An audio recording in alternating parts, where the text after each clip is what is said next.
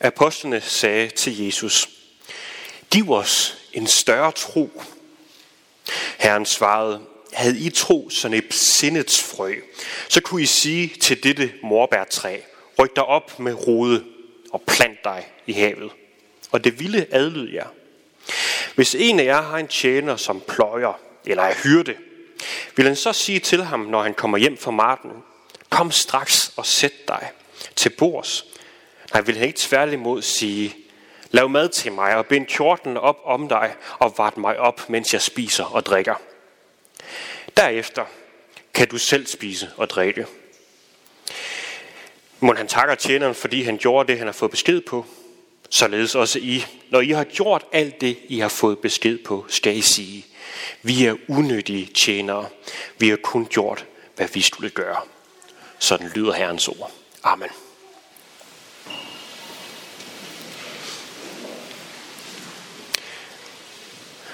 Jeg har samtidig hørt nogen sige, at det decideret kan kræve mere tro at tro på, at universet og hele vores tilværelse er blevet til ved det rene tilfælde.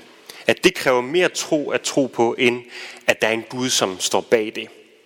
Og egentlig kan jeg som sådan godt følge logikken. Logisk set, jamen så er sandsynligheden ved, at alting skulle blive til ud af ingenting, ved hjælp af ingenting, jamen den er så lille, at vi normalt vil betragte det som en umulighed. Men følelsesmæssigt, følelsesmæssigt, så opleves det altså ikke altid lige på den måde. Vi lever i en kultur og et land, hvor, hvor vi er bundet rigtig meget til det, vi kan se, det vi kan mærke, det vi kan måle. Og i den sammenhæng, der kan det bare være rigtig svært at tro på en Gud, som man aldrig nogensinde har set. Så når disciplene de beder Jesus om, at, de skal, at han må give dem en større tro, jamen så kan jeg sagtens følge dem. Og egentlig så beder jeg, lidt, beder jeg med på den bøn. Åh Gud, giv mig da en større tro, så jeg kan hvile i, at du har styr på det hele. Giv mig en større tro, så jeg ikke er bange, når sygdom rammer mig, fordi jeg ved jo, at Gud er med mig. Giv mig en større tro, så jeg kunne stå ved det, jeg tror på, også når det er rigtig svært at stå ved. At give mig en større tro, så at jeg fortsætter selv listen. For jeg tror, mange af os, må ikke de fleste af os, godt kan genkende behovet, hvis bare jeg kunne se Gud. Hvis bare jeg kunne mærke ham. Hvis bare jeg lige så det her lille bitte mirakel, så ville det være så meget nemmere at tro på ham. Og oven i alt det, så den samtale, vi kommer ind midt i her til morgen, der siger Jesus nogle ret så vanvittige ting. Ved jer, hvis I med jeres liv leder mennesker væk fra Gud, så er det langt bedre for jer, at I fået bundet en møllesten omkring halsen og sunket i havets dyb. Og hvis en har gjort jer ondt mod jer syv gange i løbet af en, af en dag, og vedkommende så kommer tilsvarende syv gange og beder om tilgivelse, så skal I tilgive. Jamen Jesus, det har jeg der har jeg simpelthen behov for en langt større tro for overhovedet at kunne, kunne efterfølge det krav, du stiller her.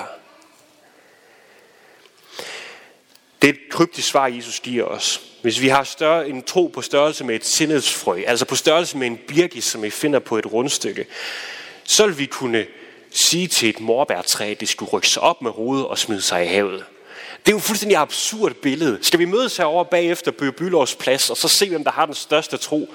Det gælder om at få træerne ned på havnen først. Der er en præst, der for mange år siden havde sagt, at vi nok ikke skal gå ud i haven og øve os på træerne. Det vil til dels være synd for både træerne og også for vores tro. Men i den danske oversættelse af Bibelen, der kommer, kan det nemt komme til at lyde som om, at Jesus sådan klandrer disciplene og siger, har I ikke engang tro sådan et sindets frø? Men jeg tror faktisk i virkeligheden, at hans pointe er stik modsat. Det kræver virkelig ikke mere end bare det. Det kræver ikke mere end, en, det kræver ikke mere end en tro på størrelse med et sindets frø, før den gælder. Jeg har før sagt her i kirken, at det ikke handler om min tro. Det handler ikke om den tro, jeg har. Det handler om ham, jeg tror på. Det er, og det er det, Jesus understreger i det, han siger her. Og i det ligger der også en irettesættelse. Fordi vi nemt kan komme til at fokusere på vores egen tro, hvor stor den er, hvor rigtig den er. Men det skal vi ikke. For vores tro bliver ikke målt på, hvor stor den er, hvor flot den er, hvor meget vi kan præstere osv. Nej, vores tro handler om ham, som vi tror på. Og det er ham alene, der kan flytte alle træerne ud i havet. Eller som Jesus siger det et andet sted, det er ham alene, der kan flytte bjergene. Men det er interessant, at Jesus her bruger et billede, eller bruger morbærtræet som et billede. Fordi et morbærtræ var kendt for at have et fantastisk stort rodnet. Man vidste på det tidspunkt, at hvis man at et, et morbærtræ, det var nok det sidste træ, man skulle forsøge sig med at flytte, for det lå sig næsten ikke gøre. Og helt ærligt, kan vi ikke genkende os selv i det billede samtidig? Hvor ofte er vi ikke som et morbærtræ, der er godt solidt plantet i vores egen overbevisning og vores egen stolthed? Og hvor meget skal der egentlig ikke til for at flytte os? Som jeg indledte med, så min logik kan godt fortælle mig, at en skabelse uden en skaber, det er ja, praktisk talt umuligt. Men den logik hjælper bare ikke min tro. Der er stadigvæk tvivl. Og med andre aspekter af livet, hvor vi kan være stålsatte og overbevist om det der, det der er hent, hent, hvor meget skal der til, før vi opgiver vores overbevisninger og lader os overbevise om noget, som bare har bedre argumenter for sig? Jeg tror, vi alle i en eller anden grad har, har prøvet det her med at stå over for et menneske, som bare ikke vil give sig. Og vi ved, vi har ret. Vi ved, vores argumenter er bedre. Men vedkommende giver sig bare ikke. Det er en kæmpe frustration. Men på et eller andet punkt, så tror jeg, at vi nok alle sammen er lidt derhen af. Vi er lidt ligesom et morbærtræ, som har så stort et rodnet, at vi ikke bare lader os flytte. Men så er det, Jesus siger, den tro, som Gud skaber i os, den kan flytte os. Den tro, Gud skaber i os, den kan flytte os. Hvis vi lader Gud virke i os, så kan den mindste tro skabt af Gud rykke os op med rode og plante os om. Forud for nadveren, der takker vi altid Gud, fordi han har friet os ud af mørkets magt, og han har flyttet os over i sin elskede søns rige. Selv den mindste tro, som Gud har skabt, det er det største mirakel. For var tro noget, vi selv sådan skulle puste op og få styr på, jamen så fandtes der ingen kristne på den her jord, så fandtes der ingen kirke overhovedet. Og derfor er det også sandt, når der engang er blevet sagt, at der hvor der er håb om tro på Kristus, ja, der er der tro på Kristus. Der hvor vi ikke kan fremskynde mere end blot et håb om, jeg håber sådan, jeg tror. Jamen selv den tro er blevet skabt af Gud i vores liv. Selv den tro, igennem den kan Gud flytte selv de mest rodfæstede træer og de største bjerge. Men betyder det så, at vores tro på en eller anden måde er bundet til tvivl og anfægtelse, og vi aldrig sådan rigtig får den her oplevelse af, at den sådan er tilstrækkeligt stor? Ja, og så lidt nej. Ja på den måde, at det først og fremmest er noget, Gud skaber i os. Troen er noget, Gud skaber i os, og ikke noget, som vi på den måde kan puste op af egen magt. Og det er nærmest et omkvæd i kirkens historie, når vi ser på troskæmperne, dem som man virkelig kan se op til. Folk omkring dem, de så noget stort i de mennesker. Folk omkring kunne se, wow, hvis bare jeg havde den tro. Men dem selv så det ikke. De så ikke deres tro. For deres eget perspektiv, der var deres tro mangelfuld, og den var kritisabelt lille. Paulus han var blandt de mest betydningsfulde mennesker i hele kirkens historie, og han oplevede det også sådan. Han skriver i en af sine breve, at han, han fik en tårn i kødet, det vil sige en eller anden lidelse af en art, for han ikke skulle blive hårdmodig. Hvad det end var, det ved vi ikke. Men formålet med den lidelse, han ligesom fik, det var, at han ikke skulle blive stolt af sin egen tro, som om det var noget, han selv formåede, noget, han selv kunne gøre. Når i stedet skulle han holde sig til Guds nåde. Fordi som Gud sagde til ham, min nåde er dig nok. For min magt udøves i magtesløshed. Og det er det, Jesus sætter spot på i dag. Det handler ikke om din egen tro. Det handler om ham, du tror på. For det er ham, der kan flytte morbærtræerne og bjergene og dig. Og det kan vi ikke selv. Men samtidig vokser troen også. Når vi læser videre i Bibelen fra den her beretning, vi lige har hørt, om de her apostle eller disciple, hvis tro ikke just var forbindelige. Når vi læser videre, så ser vi, hvordan Gud brugte dem som instrumenter for at forandre hele verden. De gik ud, og kirken spredte sig, og bare på 300 år, så var hele Europa kristnet. Fordi de havde en stor tro. Nej, fordi de havde en stor herre. Fordi ham, der virkede igennem deres tro, kunne flytte morbærtræ på morbærtræ, bjerg på bjerg, bjerg på bjerg.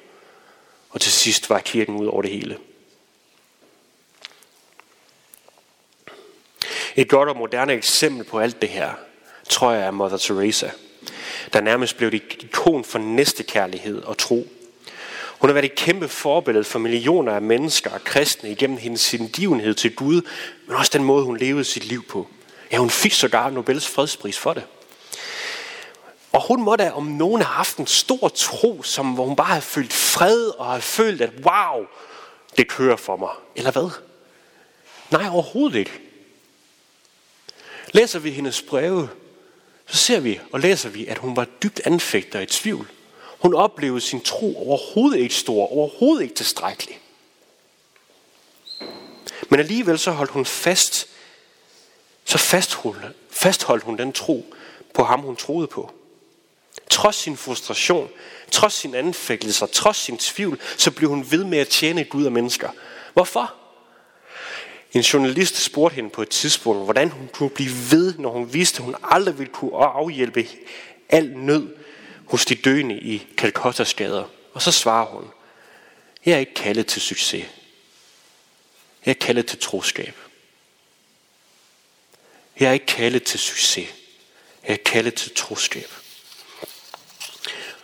Vores tro den kan ligge på et meget lille sted. Og vi kan, have, vi kan opleve, at vi halter gevaldigt bagud i forhold til alle dem, som er så gode til at tro. Men sandheden er, at det er ikke størrelsen af din tro, der frelser dig. Det er ham, du tror på, der frelser dig. Disciplenes tro, de voksede, da de gik på, hans, på Jesu løfter. Og her ligger også udfordringen til os i dag. For nok kan det virke som om, at min tro den er lille og svag. Men til enhver gudstjeneste, som vi er til lige nu, der hører vi Guds ord forkyndt. Og han har lovet, at hans ord vender aldrig virkningsløst tilbage til ham. Hver gang vi, vi tro går til nadvar og rækker vores hænder frem, så modtager vi ham. Jesus Kristus, hans læme og blod. Og vi kan bære det med ud i hverdagen. Nok er troen lille, men gaven vi får er kæmpestor. Det er ikke dig og din tro, der kan flytte morbærtræerne i dit liv. Det er Gud. Det er ham, vi tror på, der alene kan og skal gøre det. Lad os bede sammen. Ja, Gud, vi beder om, at du vil skabe bare den mindste tro i os på din søn Jesus. Og vi beder om, at vi må huske på, at det er dig, der har ansvaret for vores tro og for vores frelse, og for alle de morværtræer i vores liv, som skal flyttes. Tak, Jesus, at det er dig, det handler om, og ikke os. Og vi beder om, at du holder os fast ved den tro. Hold os fast, så vi kan lovsynge dig. Og vi en dag kan samles i dine evige boliger og for evigt lovprise dig og sige lov tak. Og evig ære være dig, vor Gud, Far, Søn og Helligånd. Du som var, er og bliver en sand treenig Gud. Højlovet fra første begyndelse, nu og al evighed. Amen. Lad os nu med apostlen tilønske hinanden. Hvor Herre Jesu Kristi nåde, Guds kærlighed og Helligåndens fællesskab være med os alle. Amen.